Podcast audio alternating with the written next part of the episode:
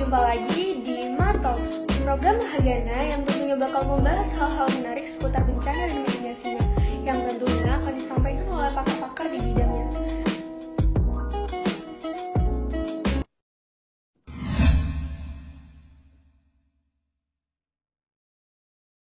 Sesuai dengan agenda dari podcast, topik podcast kita kali ini adalah minim kesadaran antisipasi longsor. Sebelum itu, ada baiknya perkenalan terlebih dahulu ya.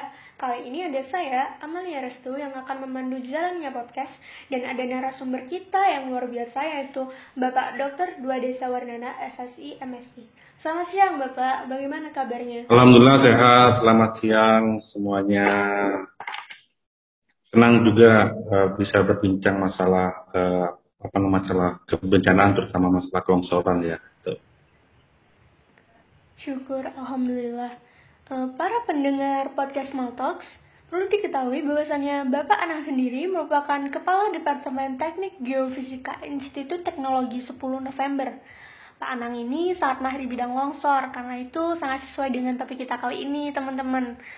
Uh, ngomongin soal longsor nih Pak, kita kan tahu ya bahwasannya longsor ini bisa dibilang jadi agenda tahunan, entah itu skala kecil maupun skala besar. Dan dari masyarakatnya sendiri tuh terkadang ada yang beranggapan kalau longsor yang salah ya pemerintah daerahnya, tata kelola kotanya. Melihat hal tersebut, bagaimana tanggapan dari Bapak sendiri? Ya, terima kasih. Uh, jadi memang seperti yang disampaikan oleh Mbak Amalia tadi bahwa namanya kelongsoran, bencana longsor itu hampir menjadi sebuah agenda tahunan, uh, khususnya di Indonesia ya Uh, karena apalagi ketika masuk musim hujan dan ketika sudah uh, musim hujan berjalan. Itu pasti ada laporan longsoran baik skala besar maupun skala kecil ya itu walaupun sebenarnya mbak longsoran itu tidak hanya disebabkan karena sebetulnya karena curah hujan ya bukan. Hingga ada beberapa orang yang menyatakan bahwa uh, kambing hitamnya adalah hujan. Tidak ya sebenarnya banyak faktor. Jadi izinkan saya dulu ini Mbak uh, bicara tentang mungkin masalah uh, biar masyarakat umum juga tahu apa sih eh, faktor-faktor uh, yang menyebabkan longsor sehingga dari situ kemudian kita bisa mengkerucutkan kira-kira siapa dan apa tanggung jawabnya begitu mungkin ya. Oke. Jadi gini, Bapak, eh, ketika terjadi longsor itu, longsor tidaknya ya sebuah lereng, karena memang terjadinya di lereng ya, itu ada dua faktor sebetulnya. Pertama ada faktor internal yang kita sebut dengan faktor pengontrol yang ada di dalam tanah itu sendiri. Yang ini pertama tentang masalah geometri lerengnya. Apakah lerengnya curam atau tidak? Semakin curam berarti potensi untuk longsornya itu bisa semakin landai, dia kecil kemungkinan untuk longsor kan itu. Kemudian stratigrafinya. Jadi antara tanah dengan batu akan berbeda ya. Batu memang tidak terjadi longsor tapi mungkin akan jadi runtuhan ya itu. Kemudian eh, apa namanya strukturologinya itu juga pengaruh ya.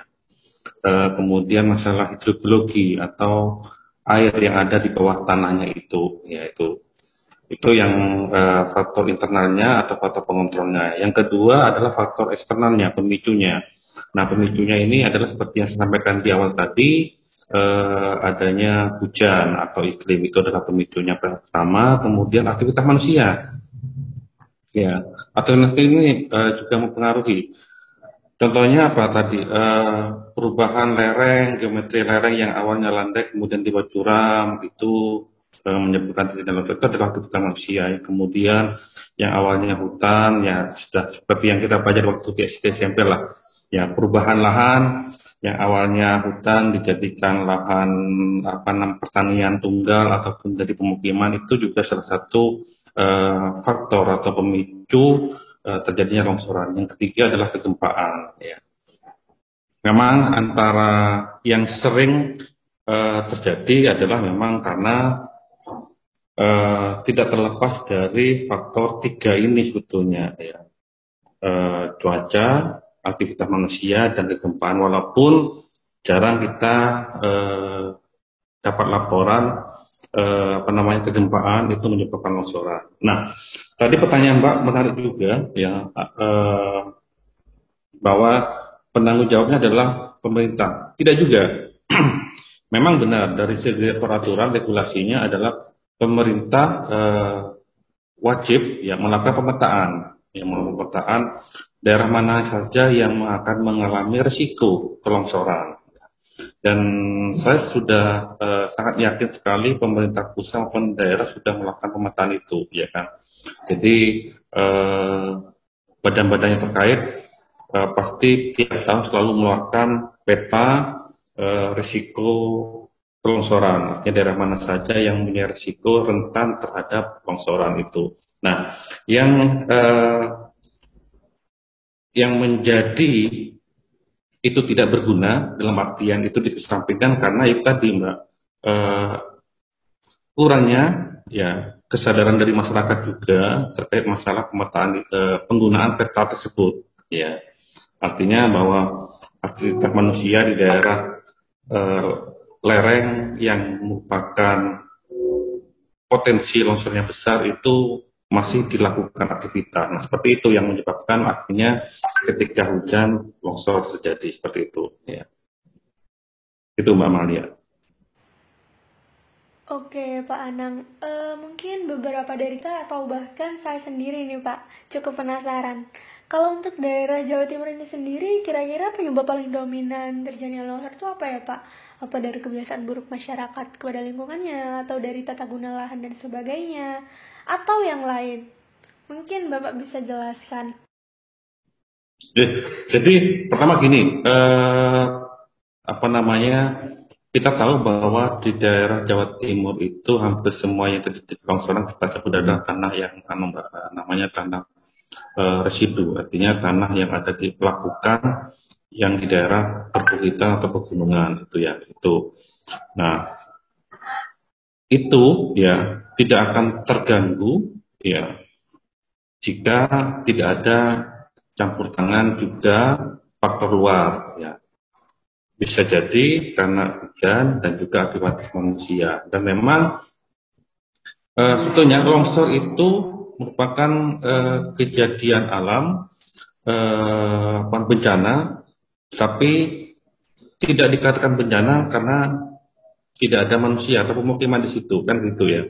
Nah, ketika terjadi ada pemukiman merusak infrastruktur barulah kita sebut dengan sebuah bencana di situ. Nah, artinya bahwa eh, di situlah ada peran serta masyarakat ya sudah tahu bahwa daerah situ dilarang untuk dilakukan pembangunan aktivitas apa pun, tetapi Eh, kita sering mengabaikan itu membangun aktivitas apa pun lah seperti model apa namanya dengan alasan uh, untuk pemukiman tertentu karena cuacanya biasanya kan di pegunungan dia dingin kemudian uh, membuat sebuah dalam tanda kutip wisata-wisata uh, yang yang tanpa mengindahkan uh, bahwa daerah itu adalah bukan daerah yang rawan longsor seperti itu. Jadi eh, apa namanya kemudian kita tahu juga bahwa ketika musim hujan di Katulistiwa ini eh, apa namanya musimnya musim hujan dan musim kemarau aja dan musim hujannya cukup panjang ya kan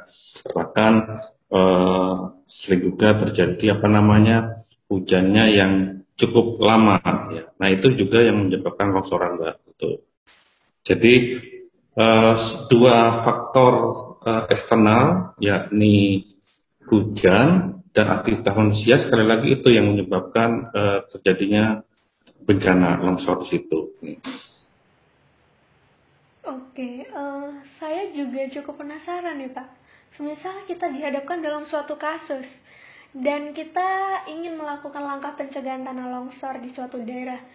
Namun untuk di daerah tersebut tuh tanahnya benar-benar mati atau tidak subur sehingga nggak bisa ditumbuhi pohon apa pun. Nah, dalam langkah pencegahan ini, bagaimana solusi menurut Bapak? Oke, uh, istilahnya adalah tanah gudul gitu ya. Memang sebetulnya Mbak uh, di daerah apa namanya rawan longsor itu uh, jarang kita temui. Uh, dia termasuk merupakan apa namanya daerah yang tidak subur enggak ya.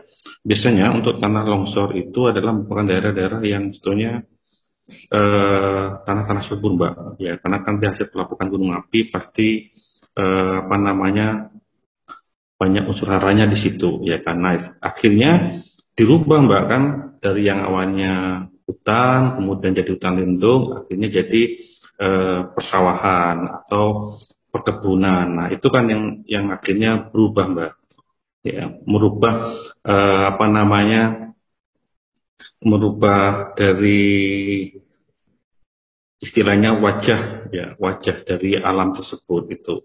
Nah, jadi eh, ketika gundul ya nggak mungkin. Artinya saya menyatakan kenapa nggak mungkin kecuali memang seperti hanya di Gunung Wilerang karena memang dia uh, beda ya beda kasus. Tapi di daerah uh, perbukitan pegunungan kalau kita lihat tidak ada tanah yang gundul mbak ya.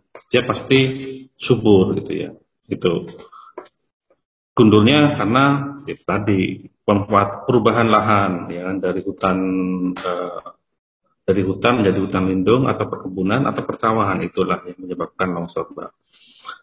Apalagi ini mbak eh, apa namanya salah satu penyebab longsor dari eh, apa namanya longsor karena hujan kan kan sebetulnya air yang masuk di tanah menjadi beban di situ ya kan. Beda ketika ada pohon akarnya masih eh, membantu mengikat tanah ketika dia uh, tidak ada tanaman yang besar, ya semuanya tanaman mungkin yang mungkin, sehingga menyebabkan tanah tersebut menjadi lebih basah, yaitu ketika musim hujan. Nah itu yang menjadikan longsor. Sehingga uh, salah satu alternatifnya adalah ya tadi artinya ya bahwa masyarakat pertama harus aware dan care bahwa kalau dia melakukan pengolahan eh, apa namanya pengolahan perkebunan atau persawahan di daerah lereng ya pertama ayo kita hindari membuat daerah tersebut merupakan daerah tempat penyimpanan air. Ya artinya drainase itu harus dibuat lebih baik sehingga ketika hujan dia tidak langsung banyak menyerap ke tanah tapi dialirkan ke bawah gitu ya Walaupun nanti juga akhirnya bisa jadi anu ya apa namanya banjir bandang akhirnya gitu kan. Tapi minimal itu mengurangi terjadinya longsoran. Jadi ada aliran air yang harus diarahkan ke bawah. Kemudian yang kedua eh, konsep terasering itu juga harus tetap dipertahankan ya. Karena terasering inilah yang eh, salah satu metode lokal yang bisa mencegah adanya longsoran itu. Yang ketiga, eh, selain itu ya itu tadi artinya bahwa kalau bisa di lereng eh, dikurangi untuk daerah anu eh, bukan perkebunan anu ya apa namanya sayur tapi perkebunan yang eh, perkebunan pohon-pohon besar itu mbak. Oke baik, bagi teman-teman penjelasan dari Pak Anang tadi bisa diingat nih kalau daerah longsor sudah dipastikan tanahnya memiliki tekstur yang subur ya Pak, sehingga bisa ditumbuhi pohon apa pun. Jadi bagi teman-teman nggak perlu khawatir karena kita bisa melakukan langkah pencegahan dari hal yang kecil demi membawa perubahan lingkungan yang baik. Masih ngobrolin seputar langkah pencegahan nih Pak. Menurut Bapak, apakah sosialisasi pencegahan longsor masih cukup efektif untuk dilakukan saat ini? Lebih lagi, kita baru saja dihadapkan dengan pandemi ya Pak. Bagaimana menurut Bapak? Benar Mbak. Itu um, bagi saya masih efektif, ya terutama untuk sosialisasi uh, di daerah-daerah yang memang dia rawan longsor. Ya, itu itu sangat efektif Mbak. Ya seperti hanya iklan lah, ya iklan kalau kita iklan di TV walaupun kita tahu dia mereknya uh, minuman X itu ya, tapi kan iklan X itu hampir tiap hari bahkan muncul sampai 10 kali. Sehingga kita pun ketika Eh, ke minimarket atau supermarket atau ke toko untuk cari minum pasti ingatnya merek itu ya nah harapan kita seperti itu mbak jadi sosialisasinya tidak eh, artinya sosialisasi ke daerah-daerah yang rawan longsor yang sudah dipetakan oleh pemerintah itu itu dilakukan secara kontinu. Insya Allah itu akan menyebabkan eh, masyarakat sekitarnya jadi aware ya dan menjadi lebih paham bagaimana cara eh, apa namanya menangani ketika terjadi longsoran. Contohnya sederhana seperti ini, Mbak. Ya.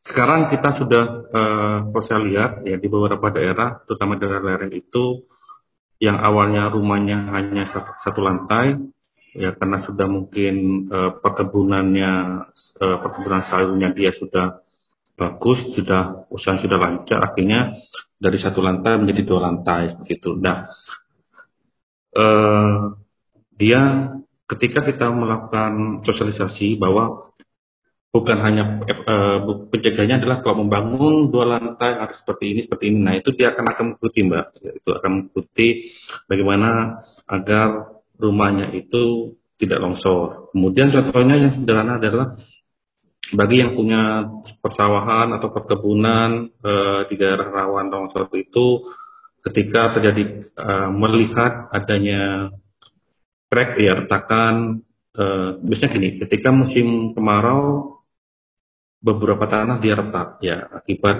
eh, apa namanya air yang berkurang di permukaan. Nah, ketika musim hujan di situlah eh, air akan masuk juga dan kemudian jadi longsor. Nah, masyarakat kalau eh, kita beritahu maka oh pencegahan seperti ini.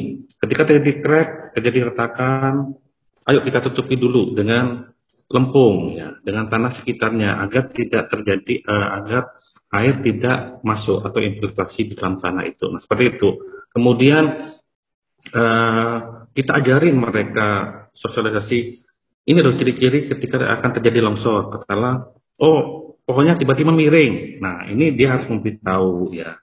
Nah early early uh, early warning system yang apa nama yang lokal seperti itu yang mungkin harus kita galakkan terus menerus kepada masyarakat. Tidak perlu harus ya syukur-syukur kalau pemerintah kabupaten atau pemerintah kota yang berada di daerah uh, pegunungan atau mempunyai daerah uh, rawan longsor itu memasang uh, early warning system untuk longsor itu lebih baik lagi itu ya. Tapi kalau tidak ada ya menurut saya salah satu yang sangat efektif adalah cara kontinu kita melakukan itu sosialisasi eh, apa namanya sosialisasi masalah e, kelongsoran, sosialisasi masalah mitigasinya bagaimana itu. Termasuk evakuasinya bagaimana nanti ketika terjadi longsor itu, Mbak. Baik, Pak. Uh, mungkin ini juga saya mau menambah pertanyaan sekaligus sebagai pertanyaan terakhir ya, Pak. Kalau menurut Pak Anang, untuk sosialisasi sendiri apakah harus dari orang-orang yang ahli di bidang kebencanaan seperti BPBD? Kan secara ilmu mereka sudah pasti lebih mahir. Jika dari kita sebagai mahasiswa ikut memberi sosialisasi dengan ilmu dasar yang kita ketahui, walau tidak secara mendalam, itu sangat diperbolehkan kan ya Pak?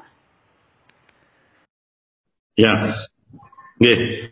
Uh, tentunya gini, yang ketika kita sosialisasi ke masyarakat tentunya adalah yang harapan kita adalah yang memberikan sosial yang memberikan sosialisasi kepada mereka itu adalah orang-orang yang berkompeten dalam artian orang yang paham gitu ya Nah, memang eh, kita paham juga bahwa eh, katakanlah mana ya badan penanggulangan bencana itu kan juga SDM-nya tidak banyak ya.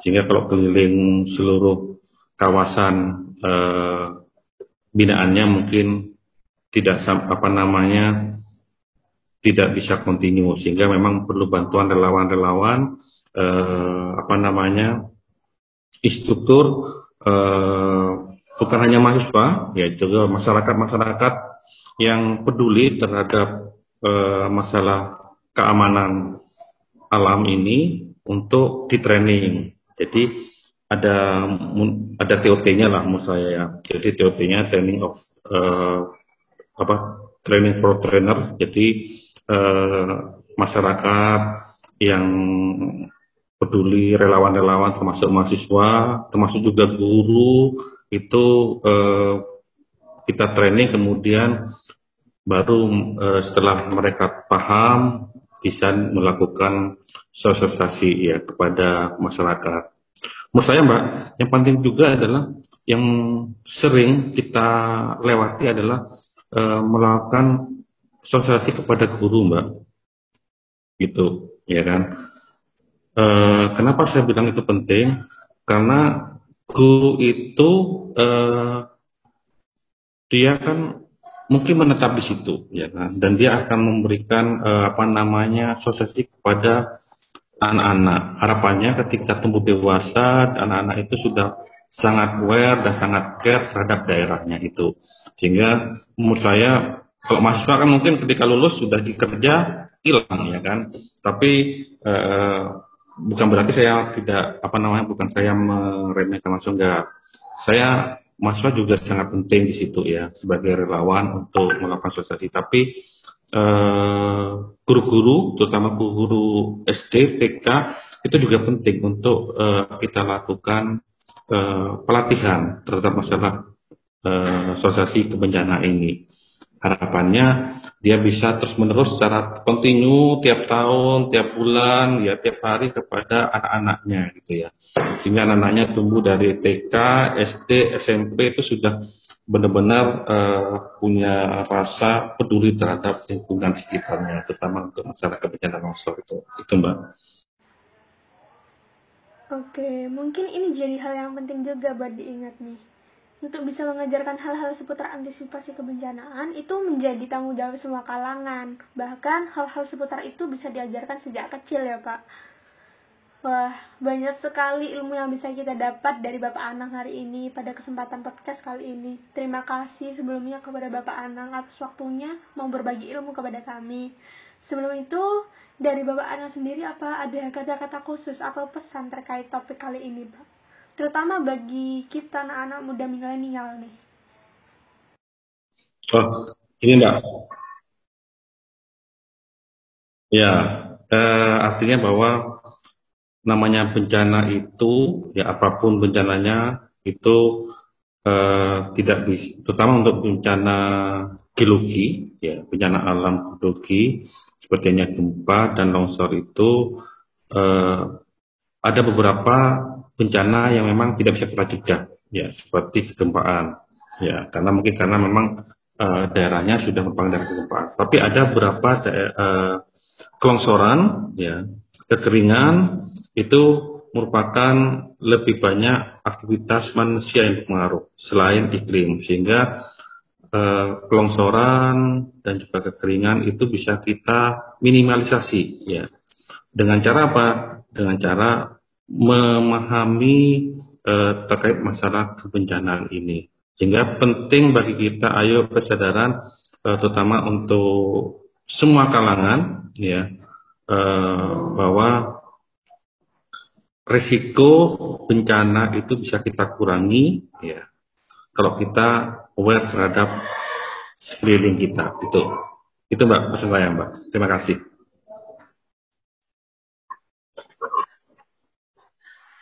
mbak boleh promosi juga mbak satu mbak Ini saya dikasih sama teman-teman ini Mbak. Jadi kalau adik-adik siswa SMA yang pengen detail, pengen belajar terkait masalah tadi itu kebencanaan gempa, longsor dan sebagainya gitu ya, terutama untuk masalah kebencanaan alam eh, bisa masuk ke teknik geofisika ITS gitu Mbak. Insya Allah akan lebih detail di situ. Oke, mungkin pesan-pesan dari Pak Anang bisa diingat-ingat ya teman-teman. Sekali lagi terima kasih Pak Anang atas waktunya. terima kasih. Dan terima kasih juga bagi kalian para pendengar podcast Setia Talks. Sampai jumpa lagi di podcast kita selanjutnya teman-teman.